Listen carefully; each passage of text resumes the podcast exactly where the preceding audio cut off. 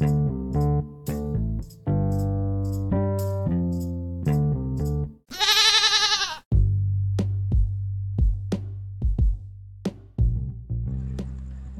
sumsum dimakan restu. Assalamualaikum warahmatullahi wabarakatuh. Halo sobat para semuanya, gimana nih kabar-kabarnya? Pasti baik-baik aja kan? Ya, jadi balik lagi nih di curcol gua episode ya pokoknya episode seginilah dan gue bakal lanjutin lagi podcast gue sama si Amel ini. Ya, boleh Mel lu ngomong-ngomong gitu? Say Halo. bye. Oh ya. Halo, halo, halo. Asik Mel Kan kemarin ya kita terakhir-terakhir Gue denger-dengar lu suka film nih Mel Yeah. Eh, Film-film terakhir ini yang udah lu tonton apa? Yang menurut lo bagus? Kemarin Sel- Tahun ini deh menurut lo eh, Top 5 film apa? top 5 Film tahun ini Indonesia aja ya kayaknya. Boleh Indonesia boleh luar Ke Indonesia aja deh. Korea juga boleh Enggak suka Indonesia aja ya. Ya boleh Kemarin terakhir tuh gue nonton apa tuh namanya? Two Blue Line Film Mas Joko Oh apa? Perempuan Tanah Jahanam. Oh permontanya Tanah Jahanam Ya, itu nonton sama temen-temen gue kan. Ah, Terus gue nonton wah ini dua garis biru. Two Blue Line ya. Itu bagus banget Terus apa lagi? Kan gue minta 5 nih Itu blue line. Apaan lagi ya? Wah banyak sih tahun ini menurut gue tapi ya itu yang menurut yang masih nyangkut di kepala gue dua itu sih. Family Tree enggak? lumayan sih cuma ya yang dua Emang itu tahu nggak apa Family Tree? apa Keluarga Cemara. iya gue tahu Oh, keluarga cemara keluarga Ah. cemara bagus juga tapi hampir nangis gue nontonnya hampir nangis gue relate banget ya, parah. parah ya Parah, gue juga relate banget anjir kalau yang ceritanya keluarga Cemara itu kayak gue ya gimana ya kasih orang tua tuh ternyata sepanjang masa banget sih sebenarnya. Terus gue mau nanya deh, tadi lu bilang apa perempuan Tanah jahanam? Heeh. Eh rating lo 1 sampai 10. satu sampai sepuluh 8,5 deh boleh 8,5. Kenapa tuh? karena menurut gue horornya kurang dapat bre Hah? iya horornya kurang dapat ini lebih ke thriller gak sih Menurut gue emang emang Mas Joko tuh lebih emang pengennya di sini thriller sih. hmm, tapi lu tapi posternya tapi tapi nih yang bikin gua yang bikin gua apa ya maksudnya kaget juga Hmm. dia bisa memasukkan antara thriller dengan horor cuma lu udah nonton juga kan udah nonton ya udah Nah, itu menurut gua horornya kurang bre. Ini lebih ke iya thriller yang tadi gua bilang darah-darah, eh, segala macem kayak gitu gitulah.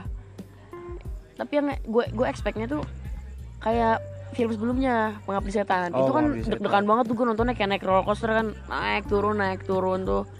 Setannya muncul tiba-tiba apa segala macem gitu. Ini enggak enggak sesuai. Kurang ex nggak sesuai ekspektasi gue sih dibilang. Tapi Mas Joko gila sih. Main kameranya gila lightingnya gila warnanya gila. Tapi Gila yang sih paling Joko. parah soundnya nggak sih? Wah itu gua emang- sumpah soundtracknya itu parah sih yang dari awal tau gak lo yang kreditnya kredit di awal. Iya. Itu parah banget itu lagu ya. Iya iya. Emang menurut gue Mas Joko tuh ciri khasnya dari mainin di suara gak sih? Di sound gak sih? Iya benar itu yang bikin deg-degan ya kayak lu nonton ngabdi setan nonton kan nonton. Nah itu gue dibuat deg-degan dibuat bi- dibikin kayak naik roller coaster itu karena soundnya sih menurut gue sama dia main lighting hmm. Kapan terang, kapan gelap, kapan dia ngambil dari bawah, dari atas itu dia pinter banget sih menurut gue. Terus eh, oke ini mer- eh, 7 kom berapa tadi 8,5 ya 8,5. kalau untuk dua garis biru Dua garis biru 9 menurut gua. 9 9. asli loh 9. kenapa kenapa kenapa Kan kita tahu ya, Mbak Gina itu Mbak ini- Gina, Mbak udah akrab banget nih Yoi, kayak Mbak Gina akrab nih. banget Mbak Gina pertama kali jadi director di film ini kan. hmm. Menurut gue ini gila. Batu loncatan yang bagus banget sih menurut gua. Untuk gi- ginanya atau untuk untuk Mbak Ginanya jadi director. Lu ikut gak scene yang strawberry di blender? Ah ya ngerti. Nah itu gila. Itu kayak kerasa banget. Ke gua ngerti ya iya. Pas dia mau ngugurin tuh terus eh, olah-olah strawberry-nya itu yang anaknya dalam perut kan. Embrio, terus embrio. dia ambil eh, dari atas shotnya iya iya. sama blender. Itu langsung wah gila gua langsung kebayang banget itu. Bener-bener kalau orang aborsi kayak gimana itu langsung kebayang banget bre. Tapi menurut gua ada juga loh pesan-pesan yang lain kayak ondel-ondel. Iya. Tahu kan lo maksud Iya, ondel-ondel? iya. terus ini apa namanya kerang. Kerang iya tahu iya. kan lo maksudnya Ah, yang ah. apa kalau ketutup dia bilang masih segar. Mm-mm. Tapi kalau kebuka udah Udah udah nggak- amis. amis ya Iya, itu itu itu ini relate juga sih maksudnya. Iya. Anjir poin-poin kayak gitu yang orang-orang nggak ngerti. Jadi iya jadi ngerti, paham ya, jadi gitu loh. Oke oke oke berarti 9 ya sembilan Dan menurut gue juga di film Dua Garis Biru ini batu loncatan buat Zara JKT48 gak sih? Hmm. lu tau gak sih semenjak film ini dua garis biru Zara perhatiin deh jadi banyak banget main film gak sih Parah, apalagi yang Bumi Langit nah itu yang Itu Vir- kan Virgo ya Virgo Virgo, Iya. Virgo. Iya, iya. Dan itu menurut gue emang apa ya? Zara juga aktingnya bagus sebenarnya bukan dari Dua Garis Biru, melainkan dia dari Dilan. Di- Dilan pun dia juga cuman pemain apa pem- pembantu apa bukan pembantu sih apa pemeran tambahan doang Sini dikit lah gitu ya. dikit Iya, dan nggak dialognya juga cuma dikit gitu Iya, tapi lebih ke keluarga cemara Iya, wah keluarga yang kita Cemara sih. yang tadi lu bilang dia peringkat ketiga itu Hmm, Nah itu menurut gue itu dari keluarga Cemara aja kayak feel sedih itu udah dapat banget sebenarnya. tapi tahu nggak? Pas tuh? Dylan itu gue belum tahu dia itu Zara. Pas keluarga Cemara gue nyari tahu nih orang siapa sih ini. Nih anak sekecil ini aktingnya udah gila menurut gue. Sumpah fun fact gue juga kayak gitu Mel. Oh iya, Iya asli gue tuh waktu yang pas Dilan tuh yang pas Dilan satu deh. Hmm. Dia kan ada tuh yang dia bilang dia buka pagar kalau nggak salah yang satu. Halo nama aku Disa yang gitu tuh. hmm, hmm. Itu dari situ tuh gue udah udah nyari nyari sebenarnya. Dari udah nyari eh siapa sih ini yang ada Dilan? Gue nyari di Google adanya Dilan. Hmm. Iya. Terus keluar kagak ada namanya, Nah, cuman kayak doang. JKT48 doang Oh. fotonya. Mm-mm. Terus gue cari-cari lagi sampai keluarga Cemara. Hmm. Gue juga jujur keluarga Cemara gue nggak tahu pemainnya siapa awalnya. Gue cuma diajak nonton sama teman gue. Ini keluarga Cemara lah bagus banget nih, gitu kan. Gue nonton.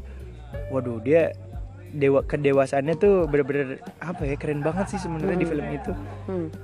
Lo kalau untuk keluarga Cemara deh sekarang berapa poinnya? Wah, gue nonton keluarga Cemara nangis, Bre. Berapa ratingnya? Nangis. Satu sampai sepuluh? 8 deh. Oh berarti lu tetap dua garis biru peringkat Dua pertama. garis biru iya. Parah. Enggak, soalnya kayak bener-bener kecelakaan dia ngambil Zara itu bener-bener kayak anak 14 tahun yang nggak ngerti apa-apa. Terus kejadian kayak gitu bener dapet feelnya banget gak sih? Tapi kan dia di filmnya ini umur 16 tahun. Ya anak SMA bener-bener kata anak SMA lah. Iya sih, emang cocok juga sih. Mm-mm. Dan lu tau gak sih dengar-dengar Zara si Zara ini dia keluar dari eh bukan keluar, maksudnya dia lulus bahasa baiknya tuh lulus dari JKT48. Graduation. Graduation benar. Iya. Aku kurang tahu sih gue kalau itu. Enggak, gua gua ngasih pernyataan. Oh iya. Iya, jadi katanya faktanya ini dia bilang bakal Graduation. sebentar lagi bakal graduation. Mm-mm. Mungkin gara-gara jobnya dia udah lebih banyak. Bisa dari jadi. Orang main film, dia main film lebih banyak duitnya.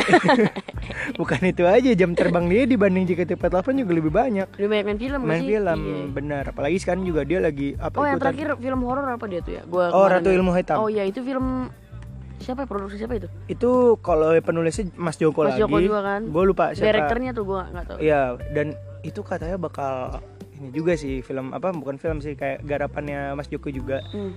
Dan tuh mungkin bisa jadi kayak pengabdi setan gak sih? Wah gua udah nggak mau ngebayang-bayangin kayak gimana gimana lagi deh. Gue takut kecewa kayak kemarin tuh perempuan tanah jahanam. Tapi menurut gue perempuan Jahanam Bukan lebih ke sound sih. Iya. Soundnya parah itu. Parah. Ada Jawanya berasa banget itu. Iya.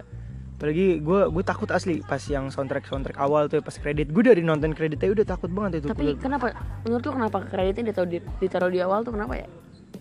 Kalau menurut gue Hmm. mungkin eh, apa ya dia lebih pengen menunjukkan soundnya gak sih soalnya dari kredit aja itu soundnya aja udah udah beda gitu maksudnya Hmm. udah menegangkan jadi orang kayak dibawa bener kayak tadi lu bilang dibawa roller coaster dulu baru kredit aja udah kayak gini gimana filmnya Hmm. gitu gak sih maksud gua tapi untuk yang awal scene-nya yang adalah di tempat itu di tol itu eh gua agak kurang ngerti sih sebenarnya kenapa langsung ada kejadian itu Enggak, menurut gue yang pas adegan adegan, adegan awal tuh terlalu ya udah deh kayak gini boring sih menurut gue.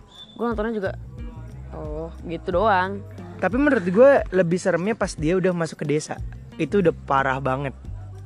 Ya gak sih? Kita nggak boleh spoiler gak sih? Yang ya kan kita nggak bukan nge-spoiler, dia kan desa. Desa nggak tahu di mana. Oh iya. Yang pasti ke desa lah Ya itu kan udah udah udah mengerucut ke situ kan kalau udah masuk udah sini itu udah mengerucut. Tapi yang di tol juga gue kurang ngerti kenapa kayak gitu sih. Tiba-tiba Iya gak sih? Iya sih. Gue juga dan dan faktanya Tara Basro lagi dong yang dipakai sama Joko Anwar. iya Kenapa ya? tapi lu perhatiin deh di film Mas Joko tuh aktor sama aktrisnya sering sama gak sih Itu udah pasti, pemeran utamanya udah pasti dia. Tara Kayak Basro. kemarin Gundala, Gundala. Gundala juga ada Tara.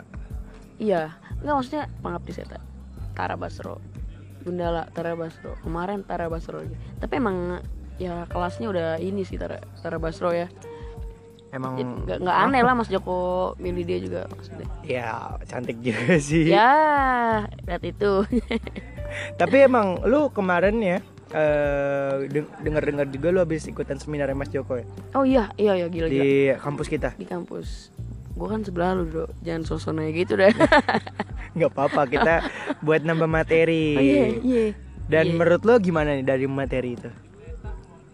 itu wah yang kata Mas Joko kalau mau nyari inspirasi itu caranya what, What if, if? Itu beneran gue terapin parah sih Dalam gue kehidupan coba atau- gue coba gue coba Oh.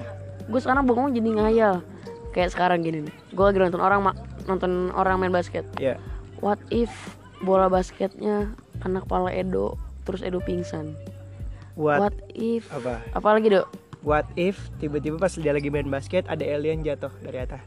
what if aliennya ngedaratin UFO-nya di atas gedung kampus kita. What if pas kita lagi bikin podcast kayak gini, tiba-tiba pas kita nengok lagi udah nggak ada pemain basket ya? Jadi debu semua. Gila. Gila, bener gak sih? Tapi emang kata Mas Joko ber apa apa namanya Imajinasi. imajinasi seliar-liarnya. Gila. Tapi dan menurut gue ya, eh, dengan what if juga relate untuk kehidupan tau. Oh iya, kenapa gitu? Karena eh, dalam lu memilih eh, suatu pilihan, Hmm. lu perlu yang namanya what if. Ya gak sih? Hmm. Kayak misalkan eh gua mau masuk UI atau Unpad. Hmm. What if kalau gue masuk UI? Ntar gue gimana Oh, iya. gimana? What if kalau gue masuk Unpad? Relate benar. banget sumpah untuk kehidupan menurut gue. Bener-bener. Ya mungkin itu sih Mel ya yang lu lu atau mau ada pesan-pesan lagi buat perfilman Indonesia deh. Nih ya, buat temen-temen yang lagi nonton bioskop, suka nonton bioskop, sering nonton bioskop, jangan foto-fotoin pas lagi filmnya diputer.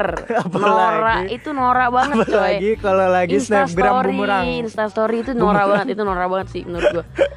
Iya, iya, Jangan benar, nonton benar, benar. bajakan. Hmm. Ayo dong, bikin film susah. Pas kemarin gua nonton apa pas gue ke seminar Mas Joko tuh gue baru tahu prosesnya kayak gini kayak gini kayak gini dari pembuatan skrip sampai pemilihan talent semua semuanya itu susah banget makanya jangan insta instastory instastory gitulah Nora anjing. Tiketnya aja lo foto. Gak usah itunya. Tapi kalau misalkan kreditnya doang, nggak apa-apa kalau kreditnya nggak apa-apa. Tapi sering banget orang tuh bumerang video. Ya Allah Nora banget. Menurut gue tuh gak banget sih anjing. Parah. Gue juga setuju sih Iya sama lo. Soalnya masalah bajakan juga ada tuh di eh Hmm. XX1 ya kan. Itu juga itu parah banget sih. Iya mungkin gue berterima kasih nih Mel udah, udah mau gue undang di podcast gue ini. hmm. Ya mungkin eh, apa ya satu kata deh untuk film Indonesia. dua kata deh tiga Iya. kata deh Iya tiga kata. empat Sekali aja pak 10 pak. Ayo. maju terus perfilman Indonesia Iya. Makan ikan sama nasi. Sekian dan terima kasih.